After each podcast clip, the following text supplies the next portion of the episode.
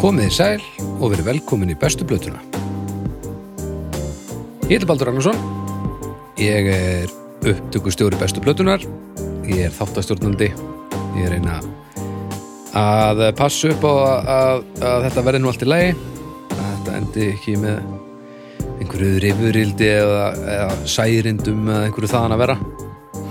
Um, og reyna að að halda öllu baktali upp á yfirborðinu sem er þá vissulega ekki baktal heldur bara tal en hjá mér eru hérna tveir gestir sem eru hérna konið til að, að ræða músík í dag eins og svo ofta áður það er annars vegar uh, Dóttur Arnar að gert, blessur og sæl Sælir, sælir. hvað séru?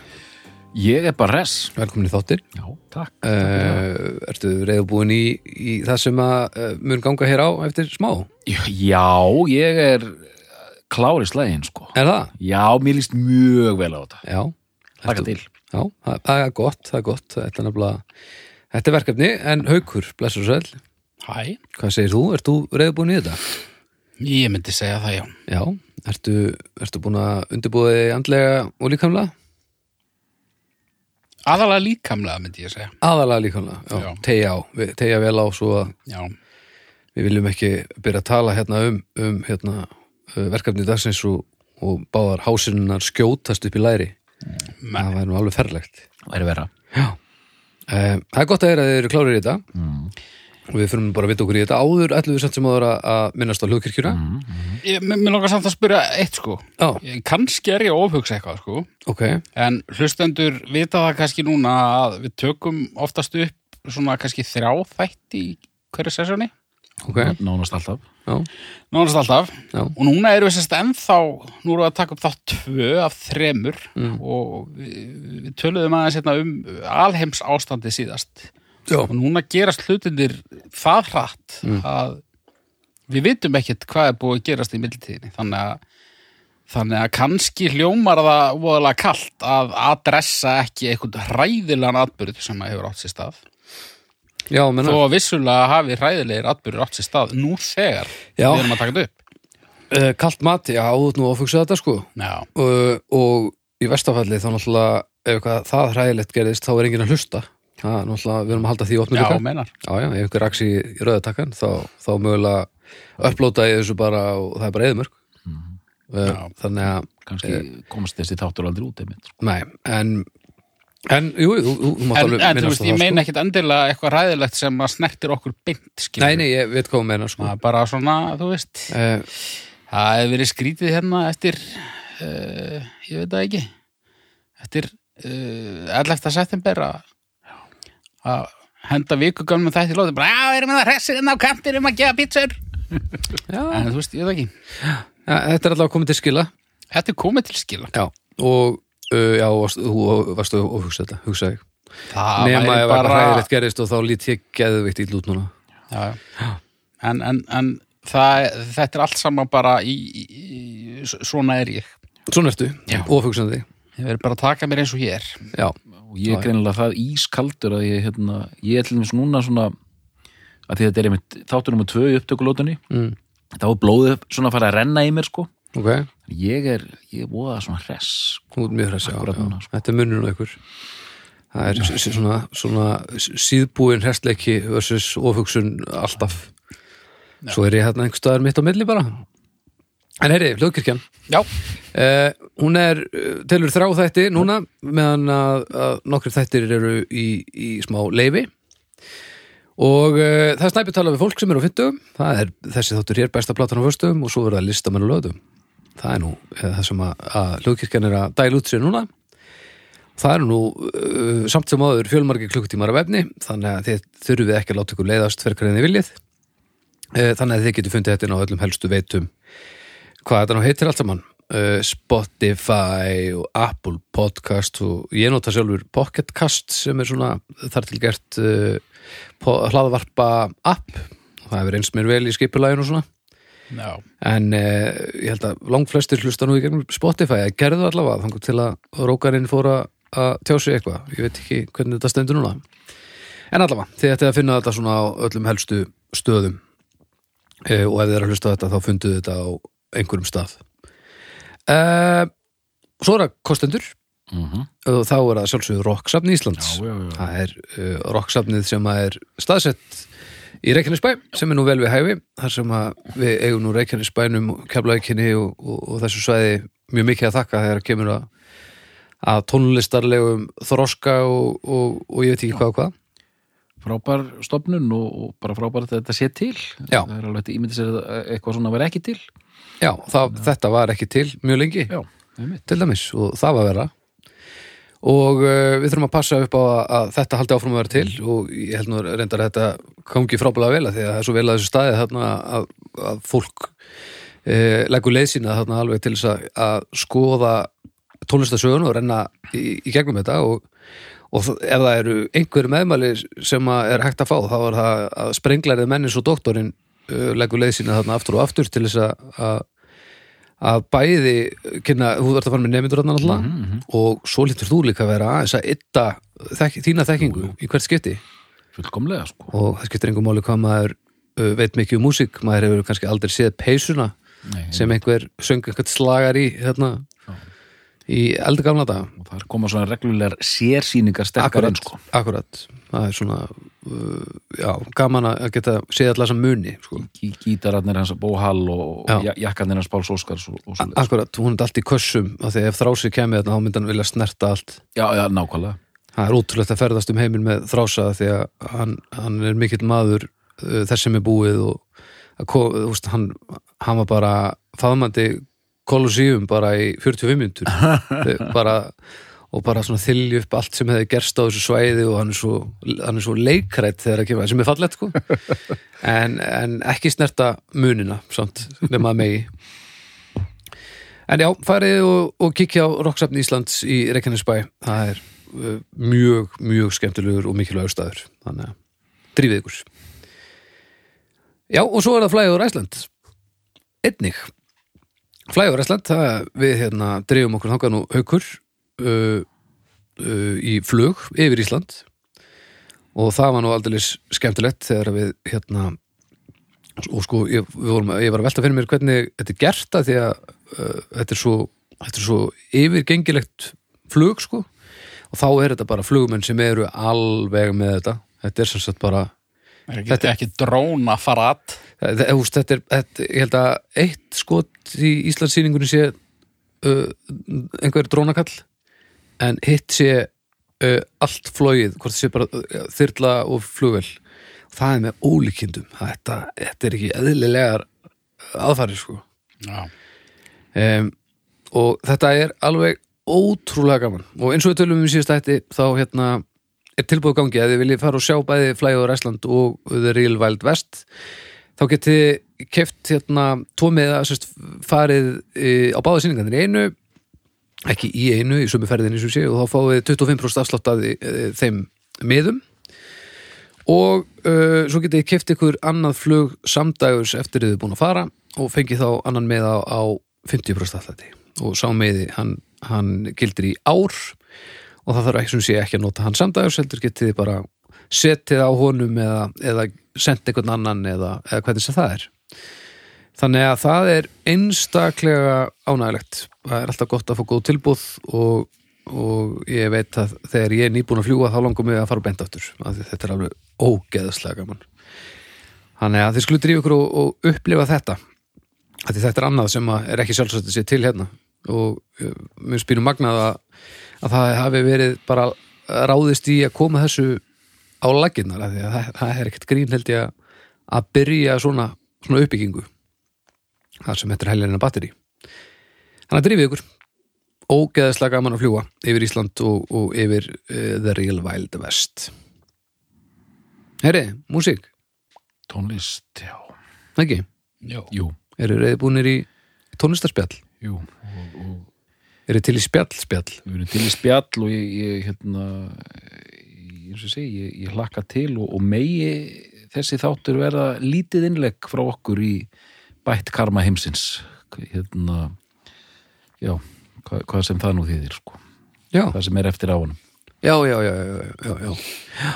Já, fegstu hérna hressleika móralinn. já, eða svona bara eh, svona bara þetta er, þetta er, þetta er lítill punktur í karma alheimsins en, en þó eitthvað já, að við sitjum innan þrýr saman og sem að ræðum Já. eh, kingi kraft tónlistarinn já, það er þó eitthvað já tónlist hún er klárlega uppfyll höguminn eftir sipin Já, já, pínu, pínu. Æja, elsku kallinn Herðu, Þeirri, tónlist er tónlist er bara mjög kraftmikil það er þannig og hefur verið alla tíð yndislega og ég er ekki að sjá að Ekki öll tónlist. Nei, nei, tó, tónlist sem Hugmyndin slík, um hana. já, og hún Súfjan getur- Stevens, Ha, hann er ekki kraft mikill. Uh, nei, það eru örglega einhver hérna úti núna ósamálaðir En, þið eru hinga konir til þess að ræða Djúran Djúran, bestu plötu Djúran Djúran Já.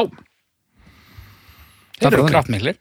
Ha, Þeir eru kraft miklir. stundum uh, uh, Þetta er þá dottorinn þetta er doktorinn Já, og, og þó þetta er bara eitthvað sem mér fannst alveg nöðsynlegt að taka á þessum hérna vettvangi ok og við erum eiginlega að slá tvær flugur í einu höggi við erum að taka bara eina vinsalustu popljónsveit allra tíma mm, og erum í fyrsta skipti að taka hljónsveit sem tilherir inn í svo kallu nýromantísku bylgju mm, sem hérna fór mikinn í upphafi nýjönda áratjórins Já, og bara gaman að við sem loksins búin að landa einni slíkri, það er þetta ansi margar í pottinum en, en það er eitthvað eðlilegt við að taka þessa fyrst. Hvað hérna, ég var að hugsa þetta, þú, þú, þú sagðir þetta mitt í bílnum á leðningað. Mm.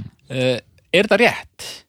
Og ef svo er, uh, hefur besta platan ekkert tjúman svona eh, verið á þessum slóðum eða í nágrenninu? Nei, Nei. Ok. enga veginn sko ok og nú það hendi út nöfnum eins og Human League OMD, Spandau Ballet Mm. Duran Duran uh, Ultravox mm, uh, Visage uh, og fleira Culture Club, getum sett það inn hana Ok, viðsmunandi hljónsettir mm. ABC uh, og ég ætla bara að henda út þessu knippi hérna já, Það er ykkur leiti New Order, jáfnvel. Já Nei, ég myndi ekki segja það sko Na, kannski bara söngurinn, sko. Það er þessi- það er þessi söngstíl, sko. Já, jú, jú, jú, alveg sko og er einmitt koma upp þegar þetta er að ná hæstu hæðum sko mm.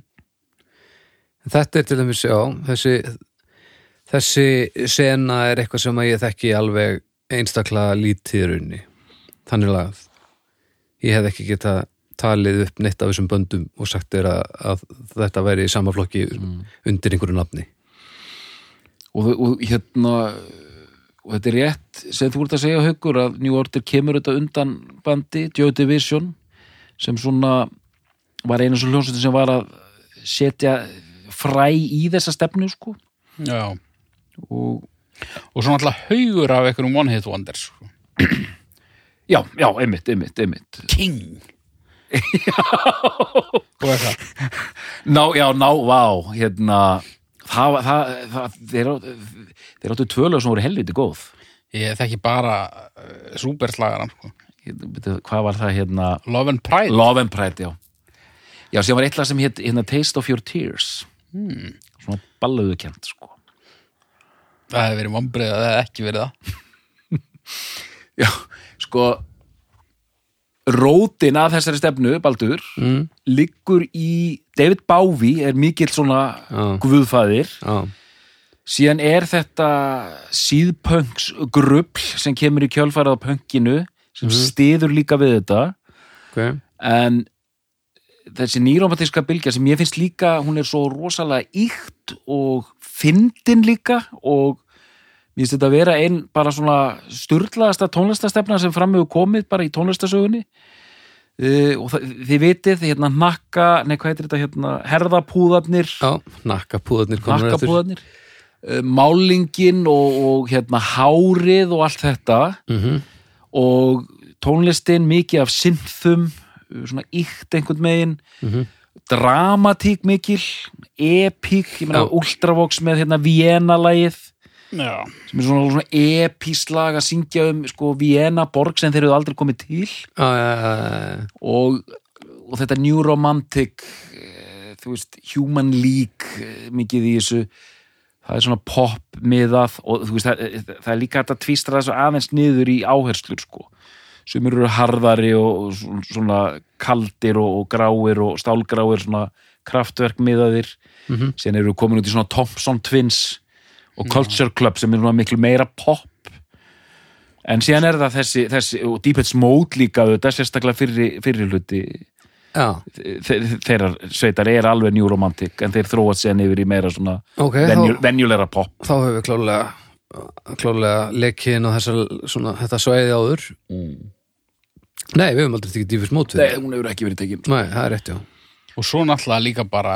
ef við förum bara hingað heim á frón bara riksjó og þú veist, greifarnir jafnvel og- Absolutt. og, og eitthvað þannig Pax Vobis með hérna, Gera Sæm Já, algjörlega, við áttum okkar fulltrúa hvernig hérna þú veist að tala um svona hvaðan þetta er sprottið en, en er, er ekki líka uh, þú veist hérna Adam Ant Já, absolutt, Mm. Sáleggur absolutt Hárið en hérna út, og, og, og, og eins og þið heyrið út, bá, á, á mannstu þetta því? í bara nafn sem Já. ég ekki sko Uh, þannig er auðvitað að tala um e- eitt sem ég er auðvitað mjög hérna, áhuga samur um sem félagsfræðingur að þú veist, við erum með tónlist en við erum líka með hinn pakkan Já, hérna axlapóðana og, og hérna málenguna sko. þetta Sem er bara- skiptir ekkert minna máli sko. nei, nei, þetta, hlutur, þetta er jafn mikilvægt og í black metalinu bara já, einmitt, einmitt, svona mikil ímynd og, og, og einhvern veginn líka ha- fáránleiki mjög oft Já. Já. Áður en við kveðum þetta Mm. aðeins, alveg, uh, nú ertu búin að nefna mjög mikið af breskum Já. sveitum. Hva, hvað voru svona stærstu sveitirnar sem að, uh, svona ekki íslenskt og ekki enskumælandi? Þú veist, Vá. Ah, eru ekki að tala um, það hlýtur að vera eitthvað frá Þýskalandi til Já. þess. jú, Ah, hlýtur að jú, vera. jú Ma- maður skildi ætla það, ég ætla, ég ætla að nefna tvent Ok, já, ég er strax komin í vandræði bara að fara yfir þetta var mjög brest element sko bara að fara yfir til Ameríku þá er ég komin í vandræði sko ok Já. ég man eftir einni hljóset sem heitir hérna Missing Persons Voru ekki líka Flock of Seagulls bandarískir. ég, Þeir voru alveg pínuð hana. já, ég held samt að þeir hafa verið breskir sko. Það er það. Já, annars ég þóri að fara með það 100% fundastjórin er að fletta því upp. Já, já, sko, þetta Missing Persons það er alveg ótrúlega band hérna, söngkona lítur út eins og Lady Gaga Flokk og Sigurl Sören English New Wave Band Helvítis anskotas. Hvað helst þú að vera með þetta, haukum minn? Já, ég, ég var að grípa í einhver, einhver strá Æ, hérna. þarna. Þetta er allt ekki það. Nú hefur eitthvað til að ofhugsa um Já, næstu vikuna Nei, eh, að söngkonan í Missing Persons lítur út eins og eh, Lady Gaga b- sko 20 árum undan Eh, ógeðslega flott og ógeðslega flott músík sko algjör svo New Wave mm. hljóset sem heitir Propaganda sem var þýsk ok. okay. sem var svona jú, eitthvað skona nýromantík svona, m- m- mjög svona epist gáfum hann að poppa einhvern veginn og var á sama merki og Franki Kostu Hollywood Ok, sem ég finnst sa- vera svolítið meira svona pjúra pop Franki Kostu Hollywood heldur en að sé beint og þeir byrjuðu þetta 84 þegar, Lendi Pet Shop Boys já bylgjunni. já, svona pets, þú veist, það blómatími nýromantíkurinnar er svona 79 til kannski 83 cirka bát okay. Svo 82, 83 er þetta svona farið, farið, farið að hallunda fætið þannig, þá er þetta breytast meira og Thompson Twins hefur verið tiltekin sem svona band sem hérna þú veist, verður bara svona pop og, og, og þetta þessar þetta ads sem var í nýromantíkinni komið úr pönkinu er bara alveg farið sko, þetta er alveg al, bara pjúra pop sko Já, já, já, já og uh, já, Bara mötleg krú yfir í Poison já, dæmið. já, já gjörsamlega sko En hérna, bara innskotið og nú örglega eftir að ræða aðeins þetta klassiska Duran Wham dæmi Já. sem að, hérna, uh, sem ég upplýði í rauntíma já, Wham er ekki njúromantik. nei, nei, það, er, Er það? það er bara pop, Já. pjúra pop sko eh, Af hverju var þessum böndum uh, allt saman?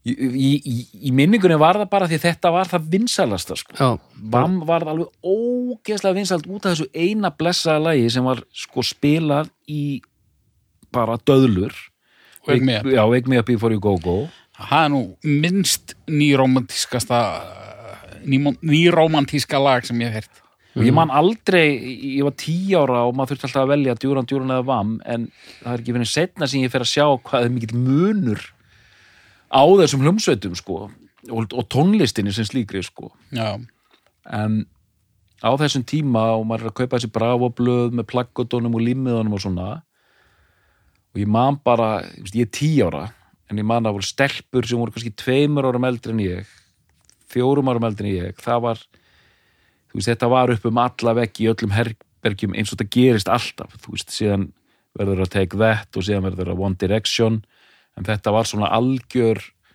strákasveit þessa tíma þrátt fyrir að vera svona hvað segir maður, svona hljómsveit með rætur í pönki sko en þá verða þær algjörir svona hérna, ja, popparar og það var auðvitað, sem við fáum að sjá á eftir það var auðvitað markmiðið sko já, Þeir svona, það var engin innan gæsalapa, það voru engar hugssjónir hjá þessum mönnum sko Mm.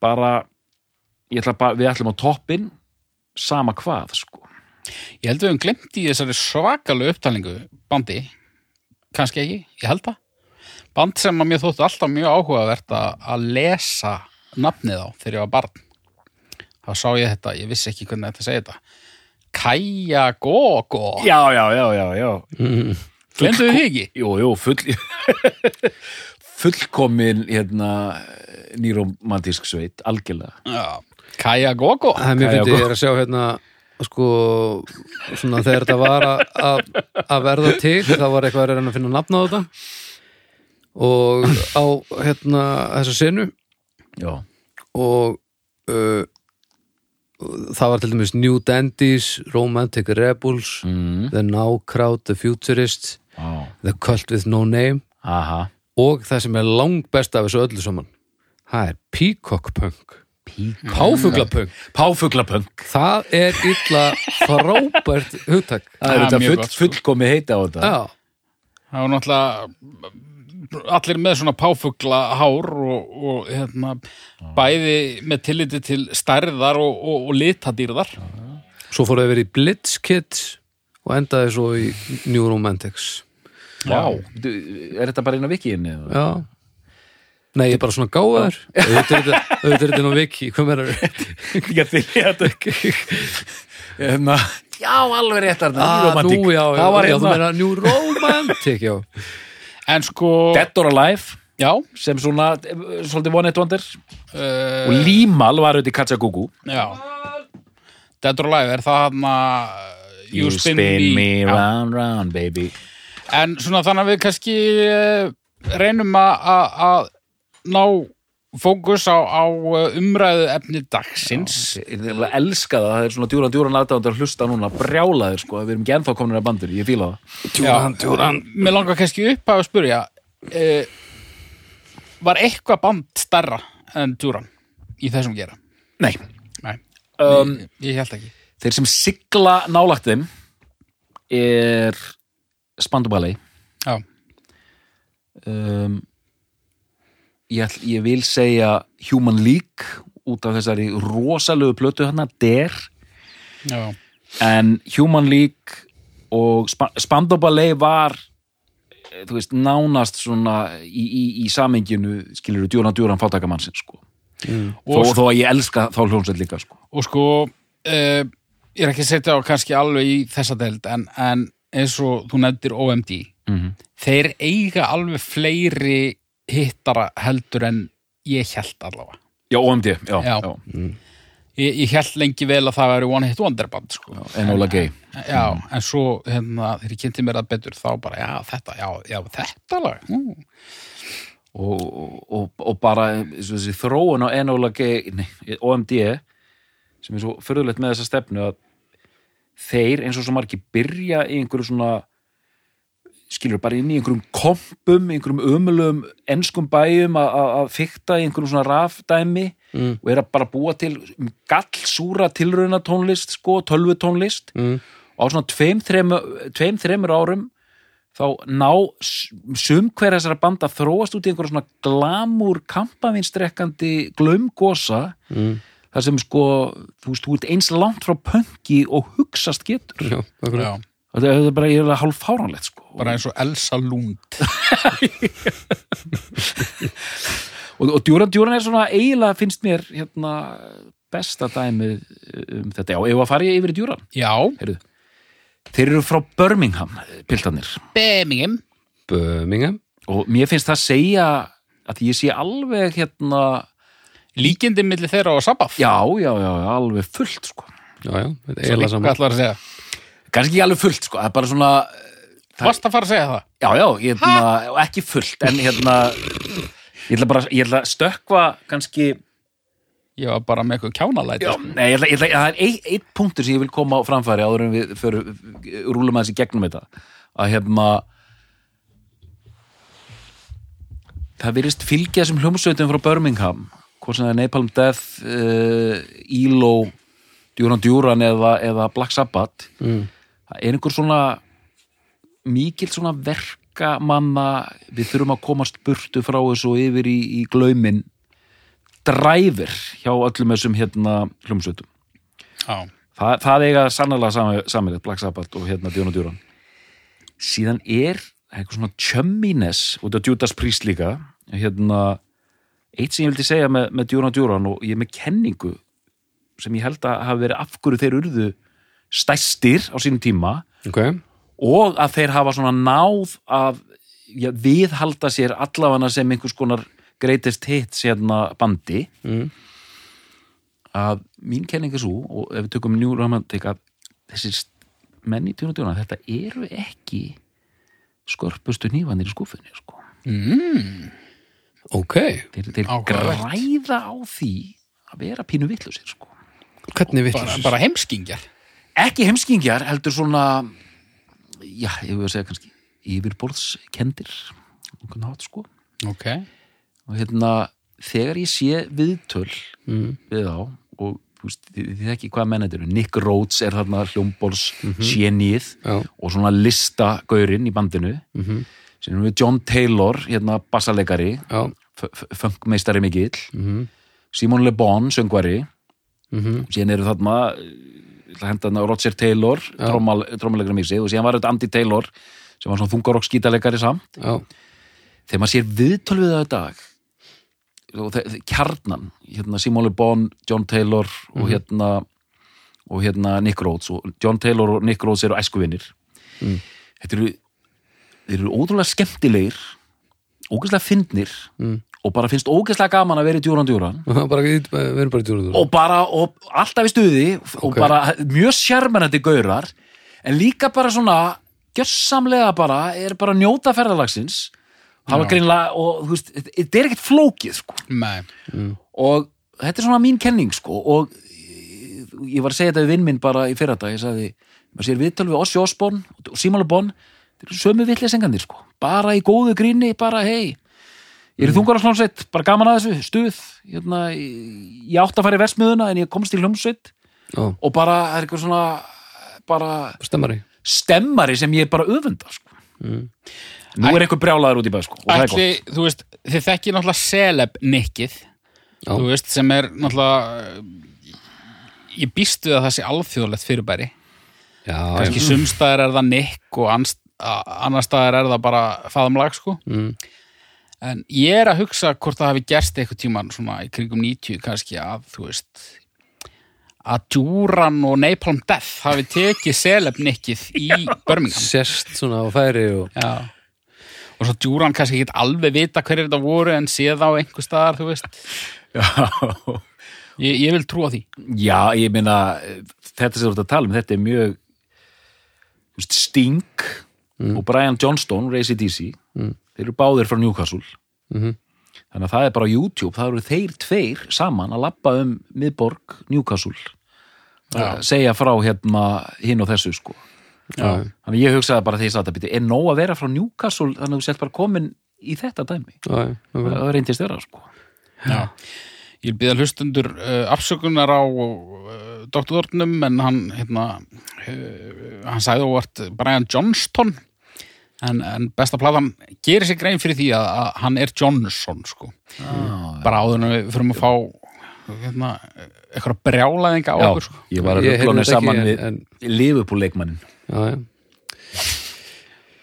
Takk haukur Já, já, takk ykkur við, Já, þetta, en það er rétt hjá Hauki, sko, það er mitt. Já, já. En, en þetta er, þarna, þarna fekk ég, Ég bara smá sp- hatturströma. ég bara spara nokkrum einstaklingum hérna, ómaki við að skrifa að tugasendina sko. já, já, já, e, já, en sko ok, ok, Djúran Djúran, djúran, djúran. e, þetta er nú ekkert sérstaklega nýromantíst alveg frá byrjun Nei. Um, sko, ég er mikið fyrir það að ég, ég ætla ekki að vera mjög nákvæmur með upphafið.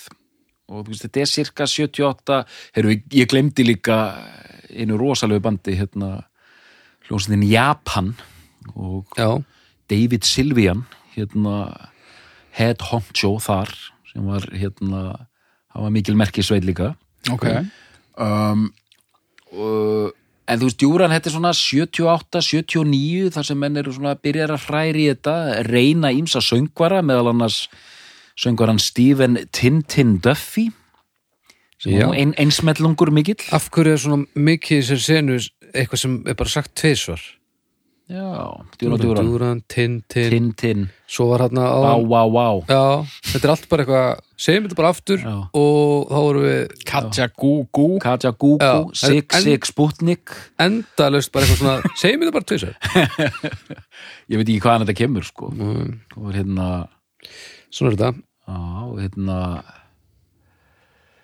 nema hvað uh, Stephen Tintin Duffy valð síðan hérna fótball soloferil og gott í honum hérna Kiss Me On Your Mouth mu- munið þið eru of ungir ég þekki þetta ekki sko. Mm. þetta var bara glimjandi í öllum útvarfum það maður en þeir byrja að tínast þannig í bandið og þetta eru miklir æskuvinir þarna John Taylor og, og Nick Rhodes mm. og byrja að gröta þarna í, í, í, í einhverja tónlist byrja svona hál, hálgildingspunkarar einhvern megin þetta er eiginlega bara nýbylgjur okkur svona nýbylgjurokk nýbylgjurokk og hérna og það heyrir sko bara ve- vind okkur strax í fyrstu plötuna hérna Djúran Djúran sem kemur út árið 1981 Mm. Mhm. fyrsta smáskifa hljómsveitarinnar heitir Careless Memories minnst það er svo stórkostlegt nafn. Já, það er önnur smáskíðan sko nú, já, býttu, hvað var fyrsta? Planet Earth, já, það er í februar, annan februar já, já en uh, Kjærleis Memories kemur 20. april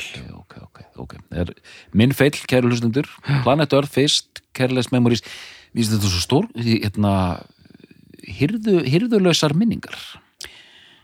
já Hvernig eru þær? og ég myndi segja sko hirðulöst smáskífu val já. sem renni stóðum, stóðum undir það að þeir séu raunverulega heimskingja Þannig að þeir eru þannig með Görlson film bara á stambæ Það Mhm. er þriðji syngur þriðji singull í júli hvað er aðeins mönnum bara á hérna og það er samt, samt fyrsta lagi á Planet plötunni Earth sem er þetta fínt lag samt fyrsta lagi á plötunni sko uh, Gölsson Fimm Gölsson 5, já. Ja, Planet Earth er geggja lag sko en, Mm. en þú veist, það sér það hver einasti maður að, að Görlson film er hittarinn hann. Mhm. Já, já, já. já. Sko, og þessi plata einmitt, hún er, uh, sko, hún, er- hún, hún er frábær. Mér finnst hún best Búm, Takk Já. Ok, kynstu best Já, þetta verður skemmtilegt að því að núna vita, hérna, hlustendur að ég stilli Ríó fram, Já, þannig að við þurfum aðeins að ræða þetta, hver munurinn á plötunum ég er. vildi bara henda skiptileiklinum í tannhjólið Já. strax sko. Þetta er laglegt, þetta er laglegt. Líka þannig að við skautum ekki alveg fram Nei, nei, nei, nei. það er það Uh, Eh, já, já, uh, og þarna er ennþá uh, er svona síðpöngs uh, stemmari yfir lögum hana mm. Gleði og gleði Já, og, svo, og hérna það er eitt lag hana sem er bara svona það er svona, það er svona Joy Division gítar gangi, sko. Sko, við erum með Gölsson film sem er fyrsta, Planet Earth er nummer 2 Anyone Out There 3, There anyone out there To the Shore Eh, 4, Já, eh, uh, Careless Memories uh, nummer 5, svo skiptum við um lið Nightboat, Sound of Thunder Friends of Mine og Tel Aviv Friends of Mine Sko, bjöliðin, Já, hún, það eru bara einhver lög. Bara en, hundarliðin. en þau eru skemmtilega, sko. en hundahlið samt eða eða bara ekki hittar á hlið en þú veist Ok. það eru henni bara tveir þannig laða hittar á þessar blöðu okay. og ef við erum að tala um á, á einhverjum risaskala þá er það bara Girlson film Já, já. en hérna, En nú er ég að fara að stilla fram mjög fyrirsjánlegu vali hérna, hver eru rökin með frumburði djúra? Hressari bara sérviska sko Já, hressari en Þetta er ég vil bara, bara vera á skjön sko eh, Þú hefur líka, Nei. hún gerir þið bara glafa já, já, hún, mér finnst þú hressari og hún, hún líka bara, þú veist e, ég er alltaf að rausa um þennan hildarsvip Já, mér finnst hann meiri þarna já, Mér finnst hún bara rúla helviti svona vandkvæða laust í gegn og mér finnst bara það er engin hundur aðna, það er ekkert öllu stórkosleg, en, en mér finnst hún bara rosa skemmtileg um, En spurning, hver- hversu vel þekkið þið djúran svona almennt séð? Eh, Ég, illa Já. um, Hittarar svona það sem maður verður fyrir Mm. Mhm, Á svona 80s böllum og eitthvað svoleiði sko. Já, og bara í gegnum tíðina bara hittararnir sem hafa staðið Já, já. tímanum stönn og, og ná í gegnum allt, alltaf Mm -hmm. eh, Þar fyrir utan illað mér og bara, já, mjög, bara lítið sem ekkert Mm. ég upplifið þessa hljómsveit í rauntíma já. þó ég sé fættur 80 þá hérna þá var ég svona skrítið barn sem hlustaði á útvarfið allan daginn, alla daga Mm, já, já. og hérna en ég vissi í rauninni samt ekkit að endilega þetta væri alltaf sama hljómsveitin sko. það er Já. Mm. ekki fyrir bara setna sem að ég einhvern veginn náði utanum bara já, þetta er þessi hljómsveit og hún á þessi lög uh, en fyrir þennan þátt var Ríó eina platan sem ég hafði hlustað á í heilsinni Mm. sem ég hef gert nokkur sinnum og haft bara ljómandi gaman að okay. þess fyrir utan er auðvitað smáskjur sem ég þekki sem ég þekkti Ég, já, það er líka eitt í þessu að mér svo fyndið í raunin áður en ég fór inn að þátt og, og, og, og lagðist loksins yfir hljósetina plötu, plötu til plötu sérstaklega fyrirpartin eða eiginlega engungu fyrirpartin þá hérna ég vissi ekkert skilur hvort að planet Earth ætti að vera þessari plötu þessari plötu eða hinni plötunni sko það var allt þegar maður var að hlusta á sínu tíma Já, já, já og var þetta bara allt í einu gröð sko. Það bara, þetta voru bara lög með djúran djúran og, og ég átti enga plötu það var ekki fyrir en fyrsta kemur þessi saga sem er, þú veist, fyrsta platan sem ég kefti mér fyrir eigið fjö einn rauðan Já, uh, strætóferð nei, ég er nú, pappi hefur líklega kert mig tíu ára gamall, fer inn í Glæsibæ Steinar Glæsibæ og kaupi tónleikaplötuna Arena já, sem ég heyrði um bara í gegnum útvarpið af því hún var útvars auglýst já.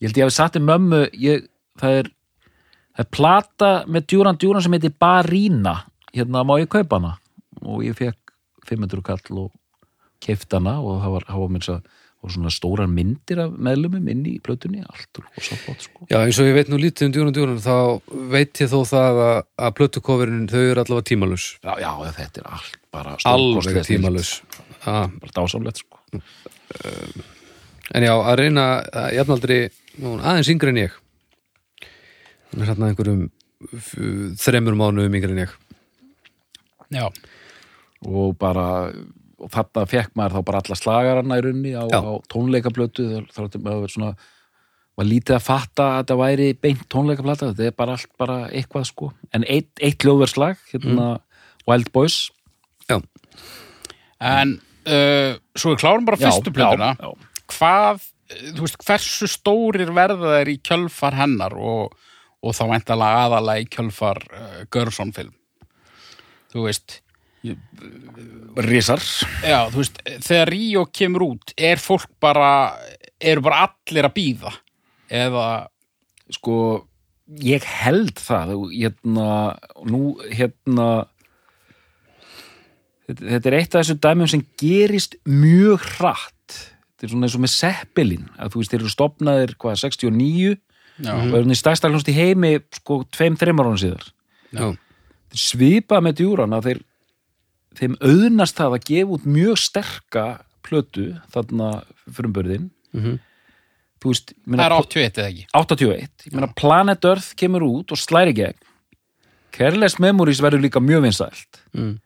þú, þú deila með um gæðin síðan kemur Gölson film og þá er þetta bara orðið svona kindilberar þessara senu og eru með þeir eru með lúkið með sér það er eitthvað svona gang ára í kringum þá þeir eru með plötu umslögin þeir eru með sándið og geta samið eh, smáskífur greinilega og eru með einhverja hörku manatjera með sér líka þannig að það er bara allt farið af stað kringum þessa plötu sko já, þannig að þeir fara strax á hérna heimstúr sem hérna Ríó er samin og, og, og tekur með af því og býtu hún kemur hvað 82 eða 83? 82 82, 82 kemur Ríó út og John Taylor var að segja það hérna, sem er ókislega fyndið að hérna hann sagði við vorum búin að ferðast út um allan heim nema en sko við, við höfum reyndar ekki komið til Ríó og þess vegna heitir platan Ríó já, og, og, hérna, og hann sagði fyrir mér var Ríó alltaf svona bara pó- hápunktur þess að vera svona glamurus í útlöndum já, já. en þú veist, ég hafði aldrei komið út fyrir Birmingham nána sko þegar fyrsta planta Nei, kom nei, út, sko. nei. þannig þið heyrið svona þessi, þessi dásamlega nævismi já, bara eins og eh, eins og bara greifarnir hefði gefið út Mallorca eða eitthvað Nákvæmlega. og hann að Ultravox ekki út Vienna þetta er einhver svona eh, hugmynd þetta er einhver svona eh, töfraheimur sko En ég ætla að fyndi að, að hérna, uh, Djúran Djúran, hún fer sko á toppin í Portugal innan vikuna og Ríó ke- fer aldrei á lista í Portugal. já, Ég veit ekki af hverju. En Þetta er... Portugalin alltaf bara já, ég fílaði örlí stöfið bara Já, já. en, hérna, En já, sko, svo er ekki augun í það að Ríó kemur út, hún fær ekki góða dóma þegar hún kemur út. okay. Henn, henn er bara sem í slátrað, sko. Nú, okay.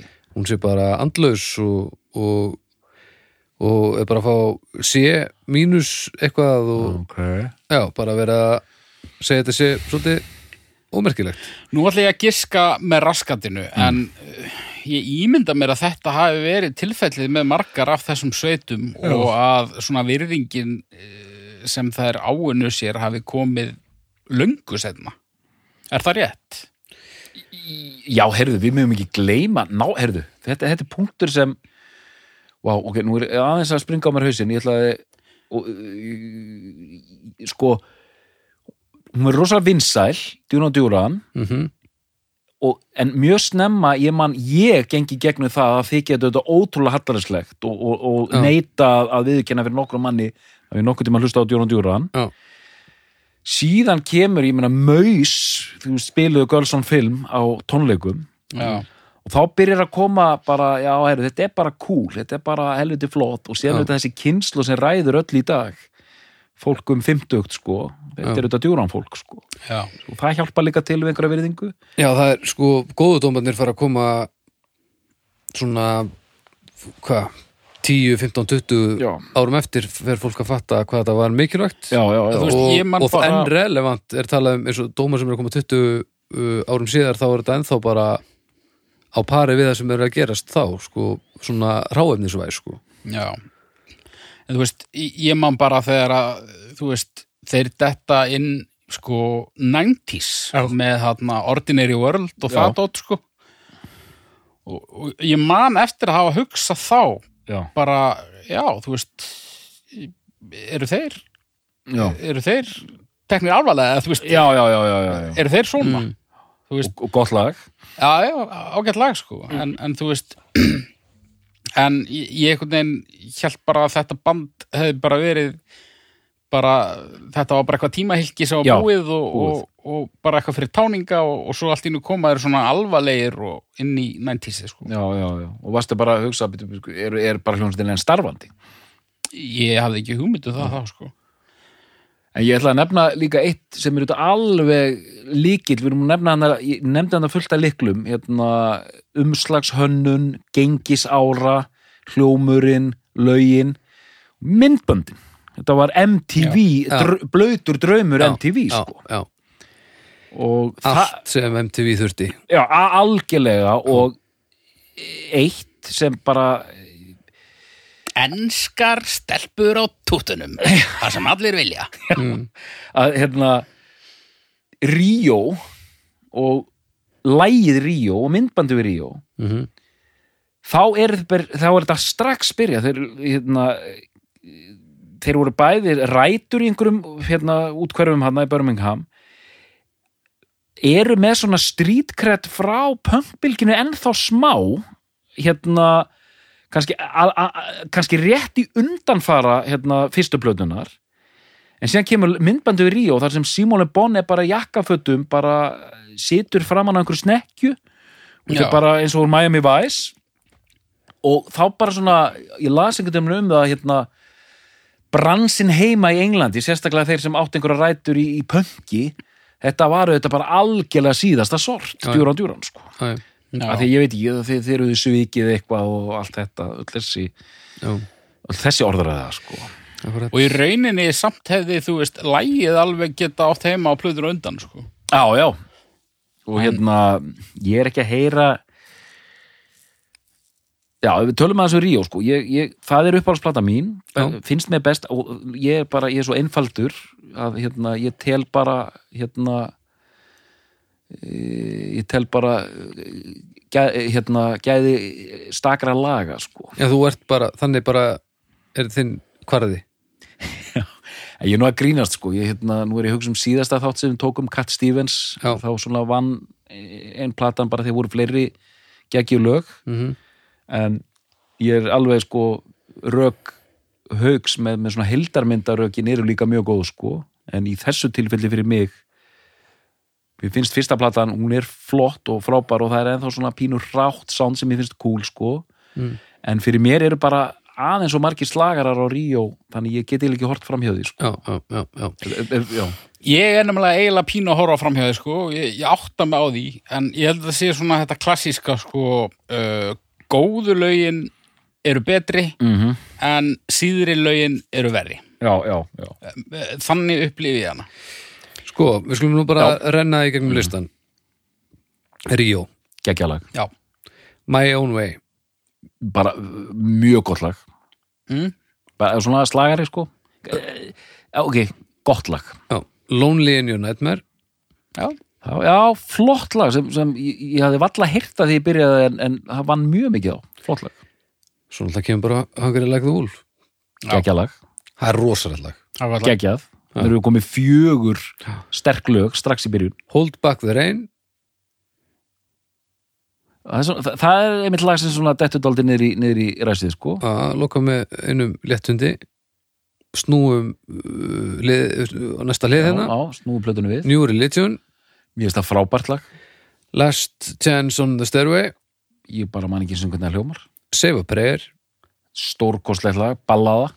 Mér og, finnst það ekki skemmtilegt og The Chauffeur sjófur í- vil ég meina sé bara besta lag djúran og djúran fyrir og síðar sko. Það er gott lag, mjög gott lag okay. Var ekki Deftones sem hérna coverið það mm, Jú, Já, Deftones gerðu það mjög vel þetta, þetta er plata það er svona, það er svona art í lagi þeirra já, já, einmitt okay. ég, se, ég man bara á þessum tíma og að Save a Prayer var bara ég man að stelpunnar bara töluðum þetta lag sem bara stórkustlustu ballið allra tíma og þess sjófur er einmitt svona það er svona arti miklir arti vibes í gangi Já, svona já, mjög svona, þú veist hvernig sinn þannig byrja og svona ambient feelingur einhver, Já, hættulegt hættul, já og bara, Mér sefa preyður, mér finnst það mér finnst- eh, mér finnst sísi, það- Já, það er það sko Mér finnst það ekki slæmt. nei, nei, Mér en finnst það það er bara... já, já, það, ég er alveg samanlega sko, hérna, Væmið. en að sjoffur er sjó, sjoffur er eiginlega svolítið svona ódjúran það er eiginlega of gott lag fyrir þessa ljónsett, finnst mér já, já Það er- nú það- eru þau margir glæðir að núti þetta er eiginlega bara þetta er, að, að þetta band sko ef þeir hefðu gert meira af þessu þá varum við með eitthvað Þá væri þau Deepest Mode. já, þá væri þetta íbæðspil Já, já, já, já. og það, mundu það með mér haukur þegar við förum aðeins fram í tíman mér langar til að fara í meiri svona samlingingar við Duran og Deepets mót sko Ok. Já, ok, ég ætla bara að segja það núna að hérna, Deepheads Mode þeir verða hjúts, eiginlega meira hjúts í 90-sinu, heldur en 80-sinu og það er eitthvað sem djúran bara gjörsanlega flöskuð á sko. Ma, maður skilur ekki hvernig gætt gerst sko. Já, En- Deep- Deepheads voru stórir í 80s en enn stærri í 90s já, já, já það er sko Var meiri þróun í gangi þar Deepest Mode eru svo miklu listamenn sko Já, já, já, já, já, einmitt. og, og alveg burt sér frá arti eða ekki arti þá eru það svona, þú veist uh, ég, held- ég held að djúran hafi þú veist, það var miklu meira bara svona eins og þú sagðir minni hugsun og meiri, Já, við erum bara hljómsett meiri eh, svona, hafa gaman og... sem er sko bara alls ekkert verra Nei, það er bara fínt sko. en hérna það- alvarleikin var svolítið málið í 90-sunu Já, og hérna, Deepest Mode fittaði bara vel inn í það sko og þegar sko hann í 80-sinu 86 þegar djúran er bara er hætt og er að skýta á sig Mm. þá, gef, þá fingja Deepest Mode s- s- gefa út þarna Black Celebration og einmitt eru svona bara sjáuðu hvað við erum miklu listamenn en Mm. eru samt vinsalir já, og halda þeirri línu dálítið flott út já, 80-si síðan kemur hann á Violator með Personal Jesus og hérna Mhm. Enjoy the Silence þannig í byrjun eh, hérna 90-sins og bara þá verða þeir bara svona stadium band já, já, Dave Gahan er bara svona rockari berað ofan í leðuvesti og með, með sítár já það er svona, þetta er svona two, two inch nails Two- Two two Inch Nails með slassa bónó sko. Já. hérna, með dassa bónó segi ég. Já. og alveg taka eh, þann áratu alveg með trompi sko. Já, en höldum línunni hérna nú erum við búin að þylju upp ríó mm -hmm. og ég er, ég er bara fí- það er, það er lögin sem ég er að dyrka sko. já, já. en það eru þarna lög einmitt sem eru, ég myndi jafnvel vilja kalla þetta bara reyna hunda sko. já. Já. Svona- En það náttúrulega skiptir engu máli þarna, þú veist. Þú ert að gefa út plötu bara eina plötu á ári og bara einhvern veginn. Og bara þessi lög sem sló í gegn þarna urðu náttúrulega svo, urðu það stór að restin hefði bara geta verið einhver ljóðalestur, sko. já. Hvað gerist E- Egil þarna? Skorella Já, hvað gerist þarna svona, uh, ég, ég reyna að halda okkur uh, með á nótunum varandi sko vinsældar hérna kurvuna. Já, já, þarna verður það bara enn stærri en, en á þarna, fyr- fyrstu blöðunni Þrátt verður fyrir- þetta ekki bara Já, eitthvað þrátt bít- fyrir þess að dóma hana verður þetta ekki bara eitthvað bítlaæði Jú, rétt Ok, Það er bara djúran æði sem hérna byrjar þarna upp úr 82 síðan sko verður allt vittlust 83 þegar platan Seven and the Ragged Tiger Já. kemur út. og þe- þe- þetta Seven já, það var útskýring frá John eða Nick eða hver það var, eða Simon Mm. að þeir voru svona þetta seven, það voru þeir ó, fimm og managerarnir þeirra, tveir og það voru við seven conquering the world eitthvað svona sko já, ok og umslagið er bara svona imperial face umslag Já. bara hérna erum við mættir og við erum bestir Já, já, standa bara eins og einhverjir keisarar þarna á umslæðinu Mm. sem er þetta bara hakar í öll þessi nýromantísku box mm. og uh, en platan er Drasl. já, einmitt mér finnst hún algjört drasl ok og ég, ég held að hafi- þetta veri bara þetta eina lag sem bara fleitir þeim í þessar, þetta bítlaæði byrjar er þarna ríflex, The Reflex finnst það ógeðslega leðilegt sem er bara við þriðið synguð djöfull er það leðilegt lag finnst þetta leðilegt The Reflex Flex, flex, flex, flex, flex Búm segja hlutin of ég er að segja ykkur það, þetta er eina sem þú þarft í rómatíkina Já. Og þarna er Þeir Nile, eru- Nile Rodgers mættur þeir eru orðnir parodía af sjálfum sér þarna finnst mér í því lagi uh, restin af lögunum er, er bara svolítið forgettable finnst mér sko þetta er mjög skrítin plata því þetta átti að vera þeirra bara þú veist, þeirra sigur ringur já, en þessi plata og ég einhvern veginn bara gerir ráð fyrir hún væri frábær já. sem byrjar maður að hlusta að bara hmm, nei, hún er það bara ekki hún fekk ekkert spesdóma og s- seinna hefur hún fengið aðeins betri dóma en ekkert spesdóma en samt hún létt ekkert spesdóma þessi plata er eins og það hafi bara hreinlega ekki unnist tími til að semja lög inn á þessa plötu Nei. það Já, er svona já. tilfinningin og Ok. sko, ég, ég ætla að bakka með drast sko. ég, ég er náttúrulega bara að reyna að vera með Nó. no. kjaft hérna en, Nei, en hún hún, er- hún er bara ekki neitt neitt en hún er, gríð, hún er gríðalega köplót sko, ef við förum að segja yfir þetta ok, það byrjar þeir byrja á, á er það þriði singullin ríflex, hvað er menn að spá? út af því að þarna eiga þær að heita að vera á blóma Já, já. skeiðinu sko, og gefa út svona, svona slappan greip sko. Uh, Union of the Snake er fyrsti singullin, já, Já, 83. 17. oktober New Moon on Monday, það 14. er geðveikt. januar og svo er ekki fyrir 16. apríl 84 uh, sem The Reflex er og það er í rauninni ef, ef við förum yfir lagalistan mér finnst þetta ríflex alveg geðvett lag það opnar plötuna, mm. Svo New Moon on Monday Njú, mér finnst það alveg stórkoslegt lag, þannig að við erum tvær sleggjur, ég elska það lag alveg I'm looking for cracks in the pavement drastl, I take the dice drastl, of crime and passion drastl Snúum draslinu við, Mhm. Union of the Snake ég ætla samt Frábært. að býða þess ég ætla aðeins að bakka upp hérna Union of the Snake Já, það er Fyrsta frábært. lag á B það er fyrsta lábja Já. okay. eftir, eftir þrjú drastl, uh, Það er geggjað. Svo Shadows on your side ég man ekki að þér mann man það ekki Nei, og Surprise, Surprise Tiger, Tiger Tiger Tiger, ha. ah, Og The Seven Stranger það er flott lag það er svona þungt hef, það er- minnir dálítið á sjófur það er svona arti og þungt og ég fíla það já. þannig að það eru fjögur lög sem ég finnst góða þarna sko. okay.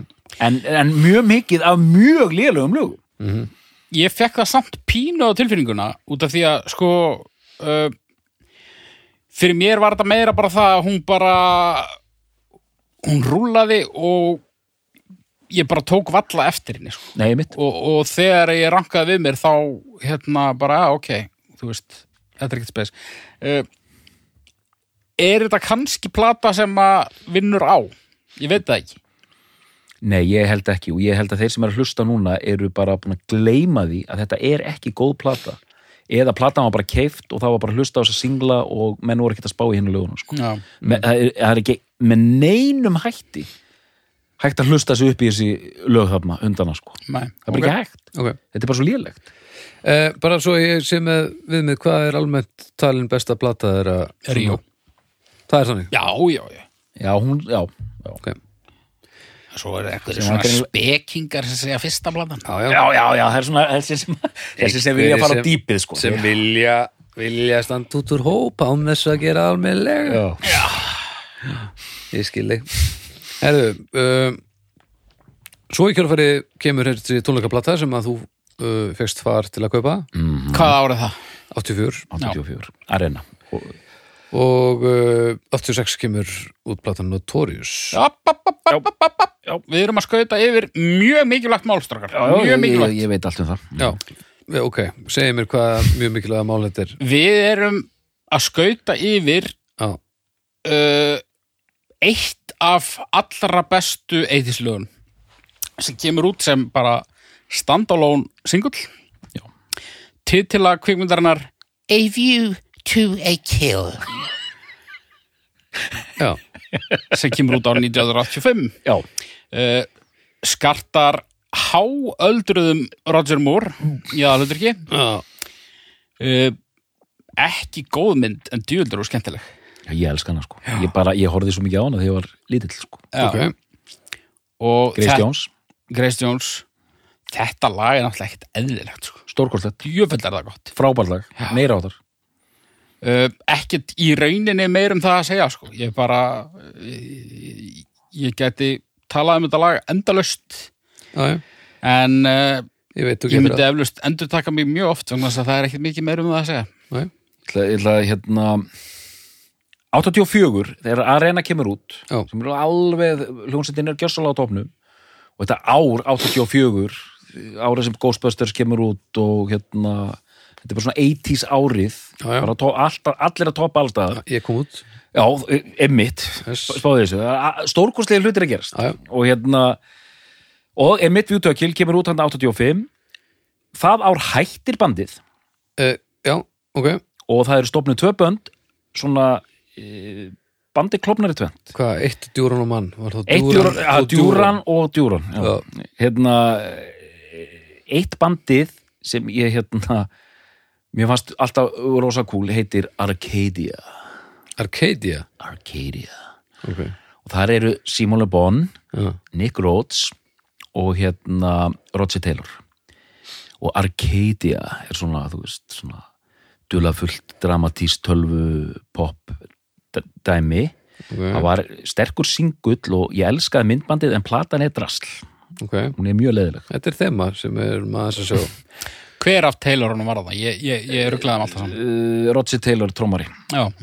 og, og hérna og Simóli Bond syngur og Nick Rhodes er hérna að tölvast Mm. rosa, rosa Arcadia hinn John Taylor sem var mikill svona Mm. Bassaleikari. já, bassaleikari og mikill svona funk, alltaf mikill funkfílingur í honum sko. ok, John Taylor og Andy Taylor sem var sko, þungaróskítalegari í rauninni Engin af þeim er skildur. bara. engin skildur sko, bara fullt af tailorum bara fullt af Taylorum þeir stopna hljómsveitina The Power Station The Power Station Já.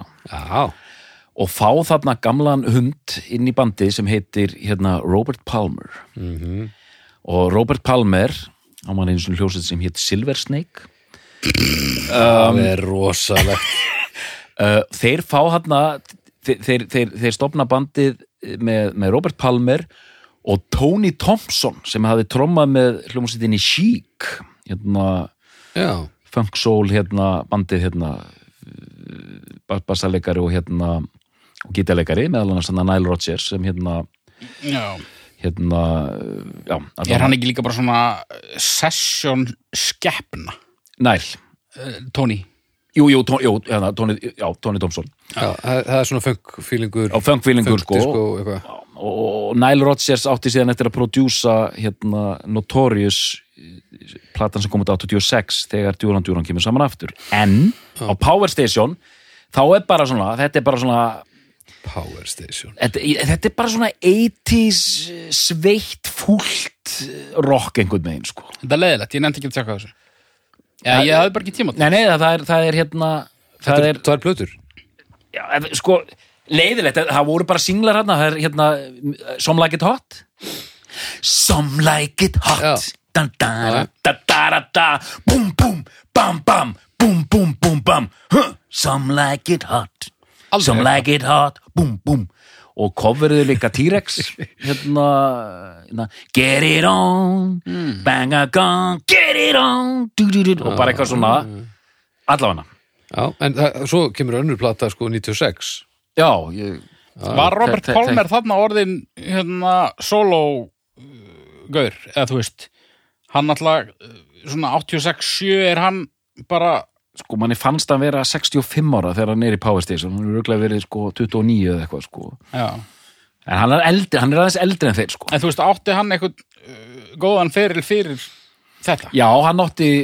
sko langan svona sólóferil okay, ég- alls ég- konar plötur, ég þekki hann ekki neitt sko. og ég þekkit ekki neitt eldur sko bara, En tekka er ekkert á setni plötu nei, ég, ég rendi henni ekki sko. Nei, ok Þa, það, Dóttunum fyrir alltaf samt í hliðarverkamðin sko. Já, Eh. ég, að því að það, það sko þeir, þeir covera Taxman til dæmis Já, á þeirri plötu já, já ok og Let's Get It On Þannig Já, að já. þa- þetta er einhver þetta er einhver snild eða hörmung En ég en ég auðvitað upplýði þetta á þessum tíma, bæði Power Station og Arcadia og maður heyrði þessi lög í útvarpinu urðu bæði bönd vinsæl Já, já, sko Power Station var bara frekar stórt dæmi með þessa singla Já, það bara, þeir gerðu gott mót og platan sé svona svona lala eða bara ekkert skemmtileg og ég, ég var svo hissa, ég held að Arcadia platan yrði betri en í rúlaðinu þetta er bara frekar leðilegt sko ok við erum eiginlega komin að því sem við þurfum að diskutera hvort að þessi menn geti yfir, yfir höfuð samið lög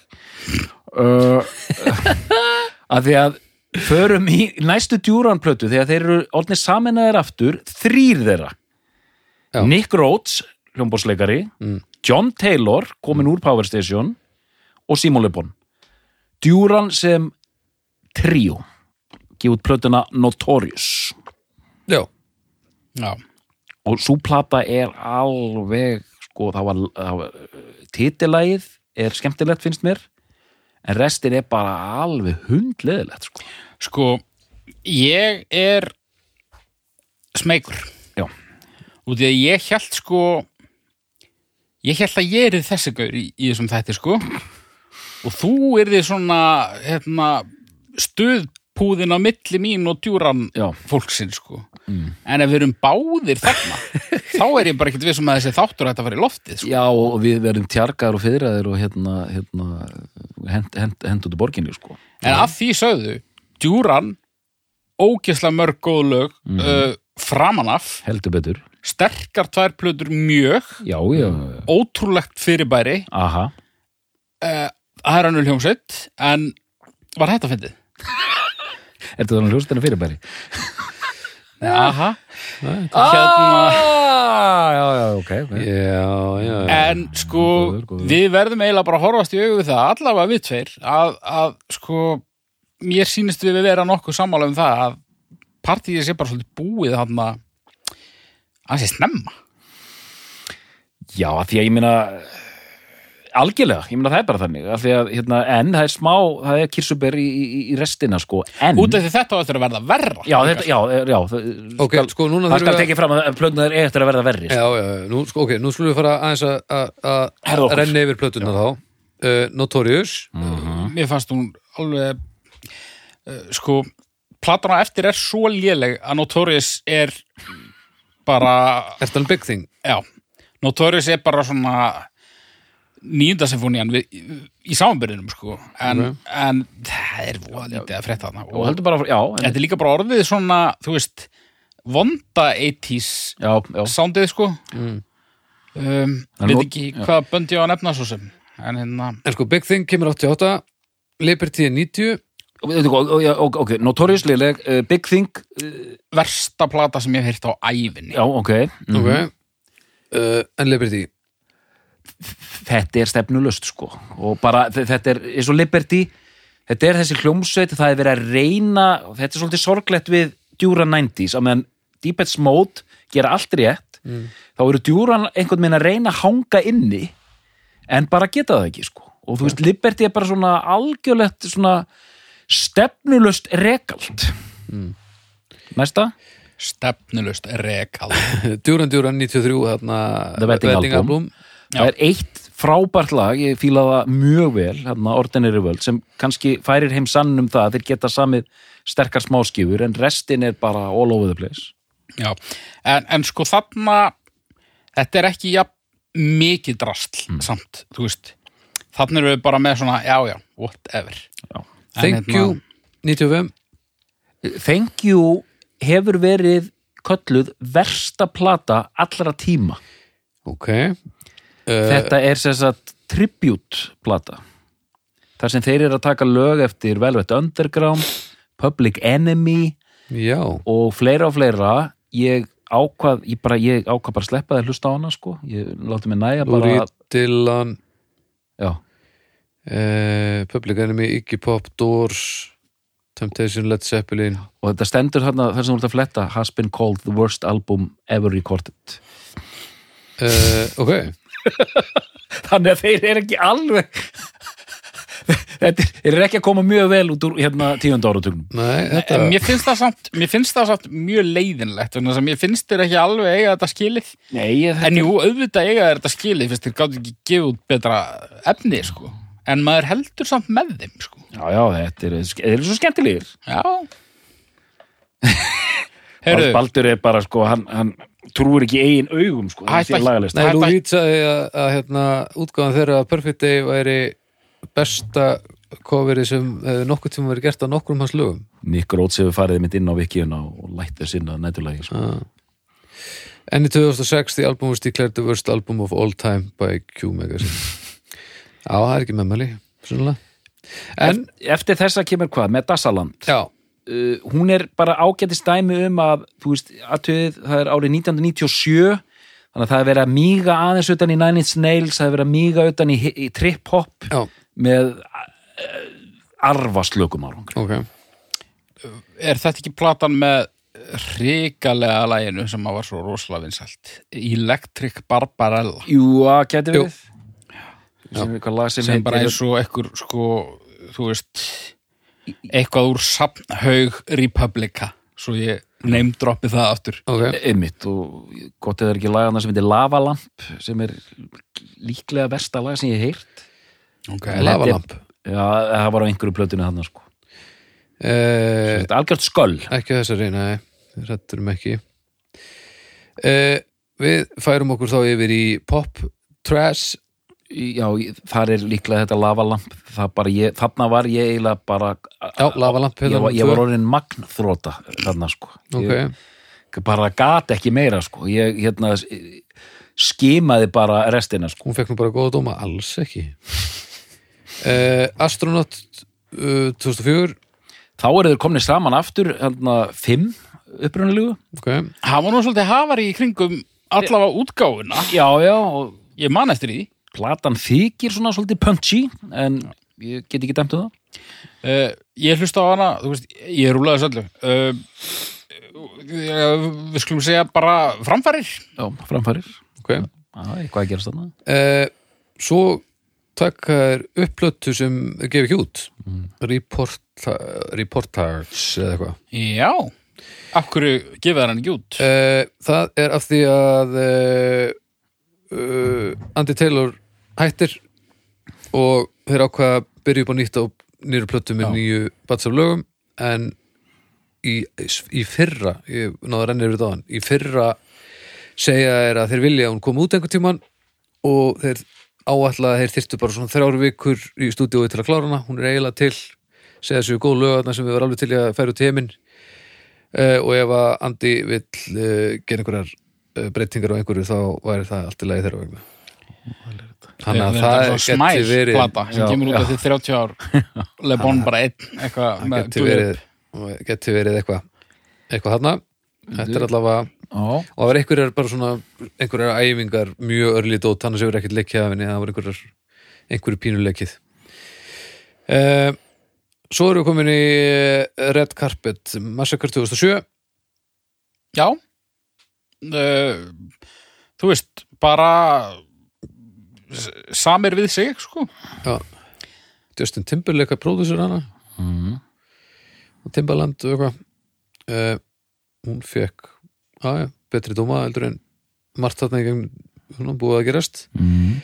færum okkur yfir í All You Need Is Now 2010 uh, þar já, betri, miklu, miklu betri Mm, já, já dóma heldur en þetta, búið að þetta, vera nú er það, það er eitthvað í gangi þarna sko. já, þarna er allt í hennu Já. bara að, uh, húst, nú er ég bara að horfa á dómana, Já. en það er eitthvað að gerast Paper Gods 2015 uh, já aðeins lélir dóma en síðast en, en Já, alveg, hún er skelfileg, sko. Alveg skelfileg. nú er þetta orðið með þessum bara Ég veit það ekki. en svo í fyrra, já, Future Past hún er ég, satt, eins og ég hef þetta eru bara allt er leið dómar bara. ég, já, ég tók Future Past og, og, og, og tók hana bara sérstaklega fyrir á hvað að hlusta og, Já. og var að lesa þessum hana hún er góð, þetta er bara góð plata það er bara svona það er bara einhver andi í henni sem er bara skemmtilegur og það er bæði verið að vísa í, eins og titilin segir það er verið að vísa þess í fortíðina þetta nýromantísk element Já. en þetta er líka alveg modern en þetta er að ganga upp loksins eru þeir farnir að, að einhvern minn gera eitthvað með það sem þeir eig, eig, eiga í sér og, og, og, og færa, færa, færa til okkur sko. ok, nú þekki ég hauk ágætlega uh, ertu samanlega þessu? Ó, ég held þú er að fara að segja annað. Nei, úti, þú varst að tala með hann, hérna, þú varst að segja að það er einhver svona andi á plötunni sem að, og ég var að spói hvort það væri, þú veist, Taylor Andy Taylor og ég held þess að þú hefði séð það á svitnum á Nei, mér ég- að ég væri að reyna að halda aftur á þessum brandara. sko. Ég hefði, ég, ég sá þú varst að reyna að halda aftur einhverju en ég fóta ekki að vera þessi brandar, ég held þú væri bara brjálaður Úti, ég ætlaði ekki að segja hann, sko. Nei, ok, já, ok, það ok. er einhver andi þannig, já, já. En ég var búin að þjást í svona góðar 40 sekundir, sko. Ok, ég held bara að þú væri alveg ósámála Nei, ég er sammálunum. Ég, ég, Já, já Við erum svipaðir hvað þetta varðar við doktora við hérna eh, ef þetta er svona framhlaðin ferill og svo haugur að ykkur hrati Mm. þá tökum við seinustu svona bara til að sjá hver staðan er Æ, og ég er sammála uh, minnst þeir svona líkari sjálfum sér og þetta er samt ekki þú veist, þetta er ekki alveg hérna, gerum plötu eins og í gamla daga allavega, þú hljómar ekki mjög meðvitað eh, þú veist, þetta er allavega náttúrulegt sko. Já, og, þeir eru að gera það sem þeir gera vel já, og coverið er actually bara flott og mun bara ve- halda áfram að vera flott já, og hann er að prodjúsa þarna í mig vænhás já, hvað heitir hann hérna uh, Hann hérna, ó, hvað heitir hann? er, Eh, er það, ég veit ekki hver að þeim hefur gert það það er fullt af pródusur minna Já, já, ok, hvað ok. er ól hátna? Ná, nei, nei, nei, ok, ég, ég held að hann væri aðalprodúsirinn hérna, Já, Já, en- Ronsson er það mann. já, Mark Ronson en Mark Ronsson kannski er hann ekkit hann Nei. hérna, en, gó- góð saga já, já, mjög góð saga en, en þarna eru þeir að gera eitthvað og ég mann hugsaði sko þá komu upp bönd í kringum 2000 sem voru svona að vísa í djúran þú veist, Klaxons og eitthvað svona dótari sko Já. svona 80s eh, inspireruð bönd og Já. ma- maður er alltaf að byrja af hverju djúra náðu ekki einhvern veginn- Kaiser Chiefs. já, já, Já, þú já. veist eh, djúra náðu aldrei einhvern veginn að- að- að að- að svona vera með í þessu en það er ekki fyrir en þá Mm. núna að- að að- þetta er actually bara skemmtileg hljóðversplata ok, af því að þeir, þeim hefur gengið mjög vel að vera svona eh, skallar á ennsku heritage act Já. spila bara eh, 30 vinsalstu vinsalög og allir bara meni, þeir heldur tónleika hérna á Íslandi 2005 Já. að bara samfélagi fór á hliðina sko. Heldur ekki aftur síðan eitthvað senna? Það er ekki komið til þess. Ka- já, kannski sko jú, gott ef ekki sko En sko þessi plata, hún er líka, þú veist, þetta hljómar eins og 80 stjúran en svona eins og það myndi hljóma í dag sem þetta bara er. Þú veist, þetta er svona, eh, þú veist, eh, nýmóðins útgáfa af þessari hljómsveit. Þetta er ekki svona þessi desperation sem að er á sumum plötunum að það. næ, Og þetta er bara, já, þetta er svona slikk og einhvern veginn bara cool Já, og mér finnst áhugavert þó að komi mikið út af lélegum plötum að það og þeir prófi alls konar Mm. þá eru þeir alltaf poppljómsett já, já, og þetta í rauninni var smá miskilningur hjá mér og því ég held einhvern veginn að þeir hefði prófað allt og prófað að gefa út, þú veist, einhverja rockplötu og þú veist, bara eins og þessi bönd gera já, Mhm. en þetta er alltaf einhvers konar pop og þessi nýja plata, hún er svo- svona krisp og stundu svolítið svona aggressív, Mm. en þetta er samt alltaf bara pop. já, já. þannig að þeir eru kannski bara hliðallir sjálfum sér að því letunum til, það verður ekki að, Já. að þykjast um of Mhm. Þeir en, eru, en, getum, við getum verið dramatískir og sagt þeir eru loksins komnir heim Já, þú veist, Já. ég ég, ég ég hugsa að ég hlusti betur á þessa plötu kannski einhvern tímann á næstunni en, en þetta er ekki eitthvað plata sem ég er að fara að setja á fónin hérna, um ókomin ár næ, en þetta er hérna þetta er allavega góð sviti ef að þeir eru að fara í þess átt ok, finnir maður að getur skinjað einhvern veginn, þessar plötu, maður skinjar en menn eru öryggi með sig og er ekkert að rembast það eru gaman að gera hana og svona já, gaman að vera í hljóm gaman að vera í hljómsveit, gaman að gera plötunni einhver svona hérna fílingur í gangi á meðan maður heyri líka hitt þegar menn eru bara, vita ekkert hvað er að gera Já, já. það heyrist alveg líka, bara svona wow. En líka þegar þeir eru að gefa út það sem ykkur finnst þarna slagt þá er stutt á milli útgáfna en núna eh, þú veist, gera þri, sérst, uh, All You Need Is Now kemur 2010 svo líða 5 ár, Mhm. Já, Paper já, God já. svo líða 6 ár og þá kemur Future Past og þá eru þeir að lenda einhverju sem að er næst, þannig að kannski bara má ekki gleyma þið líka að byrjun að grætan, það má alveg hægjast á þessu og þá verður efni bara betra Já, já en þeir ná líka, mér sem merkilegt en þú veist, þeir ná að gera eins og með paper gold sem er lí- líka mjög lélegt mm.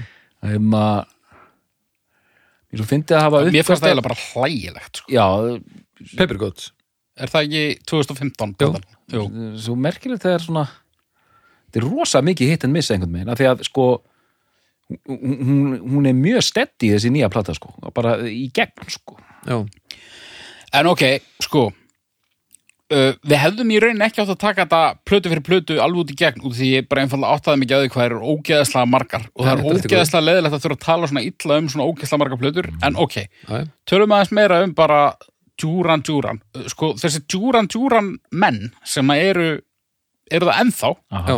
sem er alveg stór hópur já, já.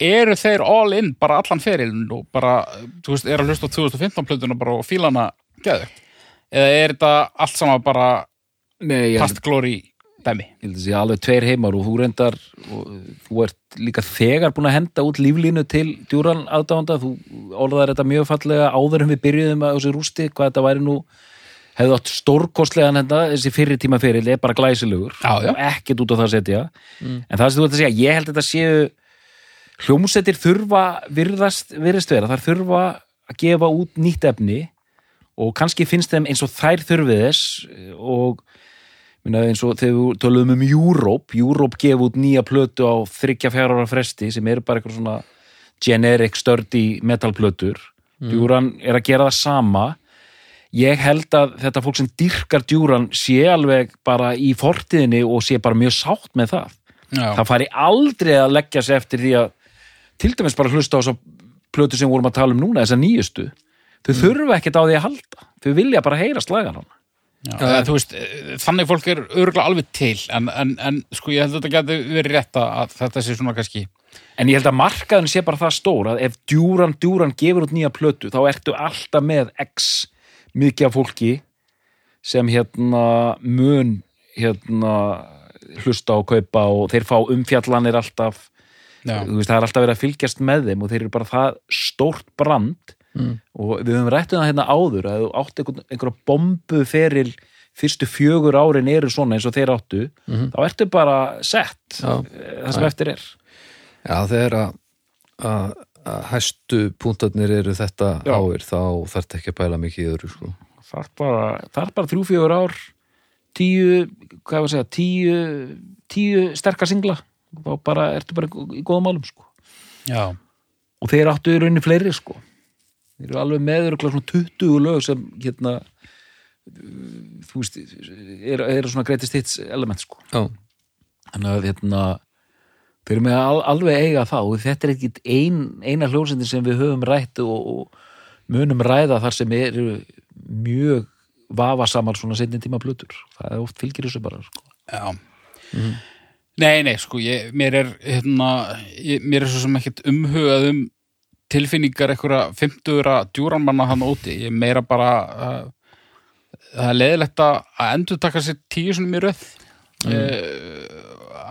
afskrifa einhverja plötu sem drasl en, en að það eru það auðvitað En ef Um, við tölum um stóra samengið, hérna, eins og við komum á á- alveg byrjun, sko, að það er rosa góður fílingur í bandinu. Ég var að tala um þessa gletni og stuð og þessi kenningi, kenning mín að þeir séu, séu e, e, hafa ekki hérna, heilalegt bólmagn til að hérna, hafa ofmiklar áhyggjur að því hérna, hvert þeir eru að stefna og, og hvernig þetta gengur allt saman, sko. Ég samt, ég ætla að draga þetta í efa sko, ég, sko maður sem Þetta er mín kallar sig kenning, Simon Labon hann getur ekki verið heimsku það bara getur ekki verið það er allt og kúlti vera listamannsnafn, er það ekki listamannsnafn eða hvað, heitir það uh, hann heitir það Hann lítur Simon Jean-Charles Le Bon heitir hann já ok, þá er ekki sjens að hann sé heimsku sko. Já, hann heitir þá er hann örugglega mjög klár hann er meira sem búin að stýta hann, hann heitir ennþá kultiverðara nafni sko. Já, já, já, já nei, nei, hann er eitthvað, eitthvað sjeni sko. en hérna Chico Bonbon hafði hort á það um apan sem er með hérna, teknimyndina með apan sem er ver, hérna, hérna, verkfærin alltaf eitthvað að smíða uh, að því að Tico Bonbon er sennilega þá djúran djúranlegast að nafn allra tíma af því að hann segir Bonbon tvisvar En ok, við erum samt að tala um það að Duran Duran, þessi New Romantic bomba, já, kongarnir í þeirri deild, já, mm. þeir eru búin að gefa út 18.000 plötur og þar af tvær nýromantískar. Mhm. Er það ekki? jú, ég meina Rio, Seven já, og svo bara búið. já, já og, Notorious er ekki nýromantík en það var það bara búið eða ekki. en þú vilt ekki kalla hann nýromantíska fyrstu blöðuna Mér finnst hún, og frá mér finnst hún bara svona mjög poppað, mjög poppuð nýbylgja. já, já, ég skil, ég skil já, En, já, já, einmitt, svona new wave já, já, já ég meina, jú og, en líka eitt, eitt punktur hérna, þetta er rétt hjá þér er eitt punktur að því ég er búin að vera ég ætla aðeins að pínulítið sko þegar ég er líka að tala um hvað þeir eru sjarmerandi og skemmtilegir svona, þe- þegar maður sér viðtal við Nick Rhodes og, og- og John Taylor í dag, þeir eru mjög jarðbundnir já. ok, mér finnst það mjög merkilegt að sjá það sko og það er sko, ég veit ekki hvort að það er í vatninu hann í Birmingham en til dæmis að lesa æfisögu Rob Halford hérna Judas Priest söngvara, það er líklega jarðbundnasti maður bara í heimi aðja Já, já. þetta er allt svo rosa svona einmitt, algjörlega beint af kunni, allt sem að segir þar sko Mm. bara maður sem bara lendir í því að vera allt í einu söngvar í vinsalstu einni vinsalstu þungarhúsljónsett allra tíma sko. og þannig að sér maður auðvitað faraðir í þennan kampavins hérna rússipan og það allt sko en þú veist það er líka bara, maður sér jafnvel eitthvað sem þetta kalla bara svona þaklæti sko að þeir eru í algjöru príma stöðu sko Bretar eru náttúrulega alltaf annarkort á leiðinni á pöppin á pöppnum eða nýkomnir að pöppnum að pöfnum, já, já, það er bara það sama hversu heimsfræðir þeir eru þá ég held að þetta sé hjartengingin sko. já, já, algjörlega, algjörlega það er eitthvað ye old goose einhver, einhver pöpp sem að já, já, þeir heita allir heldur þeim á, á tánum sko. uh, hvernig uh, eru þeir hvernig sem sagt svona tala um það sem bara hljóðfærileikara hann sem söngvara já, sko Hvernig- bassalegarinn, einn af Taylorunum sem ég man ekki hvað heitir, Mm. John Taylor Mhm. John Taylor hann er náttúrulega alveg ótrúlegur ótrúlegur ok, og uh, þú veist Girls on Film, Mhm. Rio þessar bassalínur er ekkert eðlilegar sko. hann er mjög svona busy, eða ekki Jú og ég sagði nú hérna í, í sálarþættinum sem við tókum fyrir einhverjum mánuðum síðan eða vikum að þá er ég að tala um að, að hérna, bassalínan hver er draumurinn væri hérna uh, fengi hérna djúran bara til að skýta í sig sko. en það var nú, það var nú gletni vegna þess að bassalínunar í þessum djúranlögum, sérstaklega þessum svona þessum stöðlögum það er ótrúlega margt skemmtilegt í gangi í bassa já, þetta er rosa bassa drefið allavega þarna framan af sko. en svo náttúrulega hana, um miðbygg 80sins og, og late 80s þá var þetta náttúrulega bara þú veist, ég veit ekki nákvæmlega hver hljóðfæra skipan var aðna en maður, maður heyrir, mann man finnst maður bara eins og allir sem með, með bara kítara eða eitthvað Já, já, sko Simóli Bonn hefur verið leið það á hálsi að hann sé takmarkaður söngvari svo ég orðið það fínlega ok og ég heyri það ekki, ég meðin bara maður vandist þessari rödd sko, ég finnst þetta bara fín Já, Nick Rhodes sem er svona, þú veist, hljóðarkitektin mikli já, og það eru meiri segja svona ambient plötur eftir hann sem komið bara út í fyrra hanga inn á spot, spotanum sko ok eða á veitunum sko Mhm. bara svona fínasta bræðan inn og flip eitthvað sko og trommarinn er náttúrulega mjög fær hérna bara uh, rithmaparið þarna er alveg bara með alltaf á tíu sko ok, Þannig að, já, já, en, en þú, varst Gott að, band, sko. þú varst að tala um að það er alltaf þessi góði fílingur í bandinu en, en er það, sa- er það, er það ég meina þeir, Það er nú ekki þeir alveg satt. liðust í sundur Jú, jú, þeir hérna þeir gengi gegnum allt þetta klassíska hérna sko, samt sko í- fóru- Spandau Ballet fóru í gegnum mjög erfitt svona l- l- lögfræði og eitthvað element sko ég held að sé ekki alveg svo gróft hjá hérna djúran, en jú, jú, þeir hættu og hérna ég veit að Nick þoldi ekki hérna Andy Taylor, gítarleikara Já, Það er svona styrt á milli þeirra á meðan sko þeir eru einhvers konar fóstbræður John Taylor, bassalegari og Nick Rhodes já, en síðan svona það er svo fyndið með svona bönd að þegar þau kom þau virðast vera á þessum stað núna með þetta er bara orðnir eldri menn slagsmálin eru búin sko mm. já. höfum þetta bara svona og, og bara ég held að þeir séu núna alltaf fjórir sko ok, hver er þá? sem sagt, Roger Taylor, trommari sem er mjög svona mikil highlightis maður Mhm.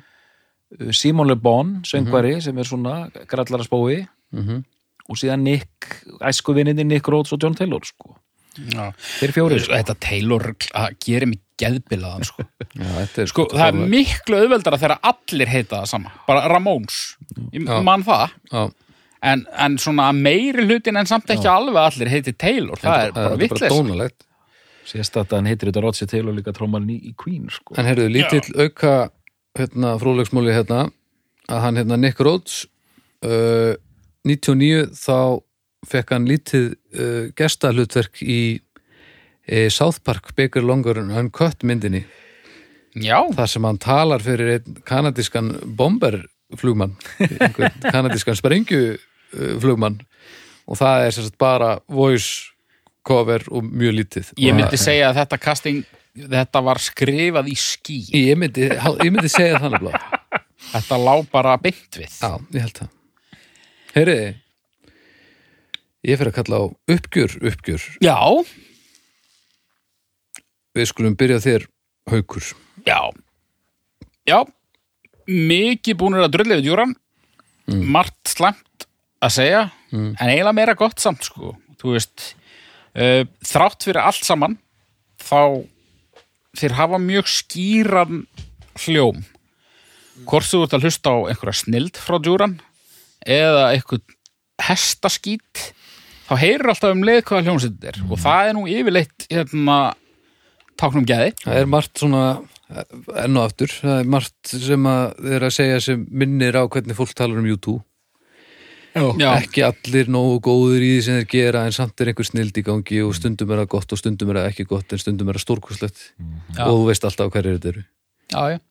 og svo náttúrulega þú er búin að hlusta á þrjár, fjórar plötur í röðu sem eru hundlélegar þá náttúrulega bara ertu orðin fúll á móti Já, já. kannski misti ef ykkur er snilt hana en hvað um það, sko, ég hérna mér varst gaman að fara yfir þetta út af því að ég, eins og ég sagði á, ég, ég upplýði þetta í rauntíma en samt að mjög takmörkuðu leiti vegna þess að ég heyrði bara útvarpslaugin Já.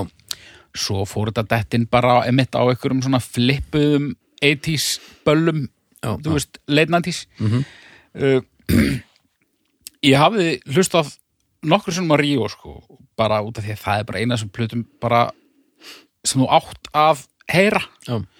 uh, ég hafði ekki rent þessari fyrstu í helsini ok, og mér fannst hún bara skemmtilegri um, Ríó er vissulega svona uh, það er meiri þroski klárlega Jú, jú.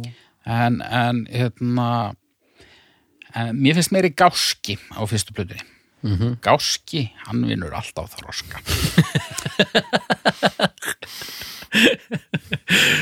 frábært uh, Doktor, Já, uh, ég sem þetta teldi fram Ríó sem bestu plötu djúran og, uh, og já, ég hérna á meðan ég geti tekið undir og skil afstöðu hugs mæta vel og jafnvel hillast af ymmið þessari uh, áru sem er yfir frumburunum og, og þessi andi sem er þar yfir um, þá fyrir mig að því að ég er svo mikið af skemmtilegum lögum hjá djúran þá svona er Ríó með meira af bara lögum sem ég finnst alveg bara stórkostleg og, uh, og þar er hérna þessi blessaða ballaða sem hefur svona nostalgíst gildi fyrir mig kannski að mestu leiti en sem er hérna sjoffur sem endar plötuna sem er alveg briljant lag og þannig rúlar hún einhvern megin og, og, og fyrir mig svona miðjarat einhvern megin mist, eh, smá bram, brambolt á, á fyrstu blötunni Eh, botnin dottin úr þessu á sefinandi rækja tækar en, en þetta er svona þeir sweet spot -hmm. hvað djúran var þar albúmlega séð uh, og svo sem ekki mikið meira um það að segja og búið að vera mjög gaman að velta þessari hljónsveit og þessum geira hennar eh, fyrir sér má ég aðeins koma við einskot hérna eftir uppgjörunni þínu ég held ég, ég held mér finnist sefa að preyja ekkert lífa allag ég, ég er bara svo dapur þetta er þetta mikil svona kindla ballaða já, Já, og ég, það- ég slekkaði út í það- ég verð dapur þú, þú handlar depurð illa já, og það er kannski það sem það lag uh, reynir að kalla fram sko, og Já. text það er ofgott Já, allavega gerir mig dabra, mjög dabra gerir þið að verið manni Já, ef það er missunni þá erum við bara ekki það en heyrðu, Doktor er þetta besta plata Dúran Dúran? já, Haukur, er þetta besta plata Dúran Dúran? nei Við þakkum fyrir í dag og við heyrumst að vikuliðinni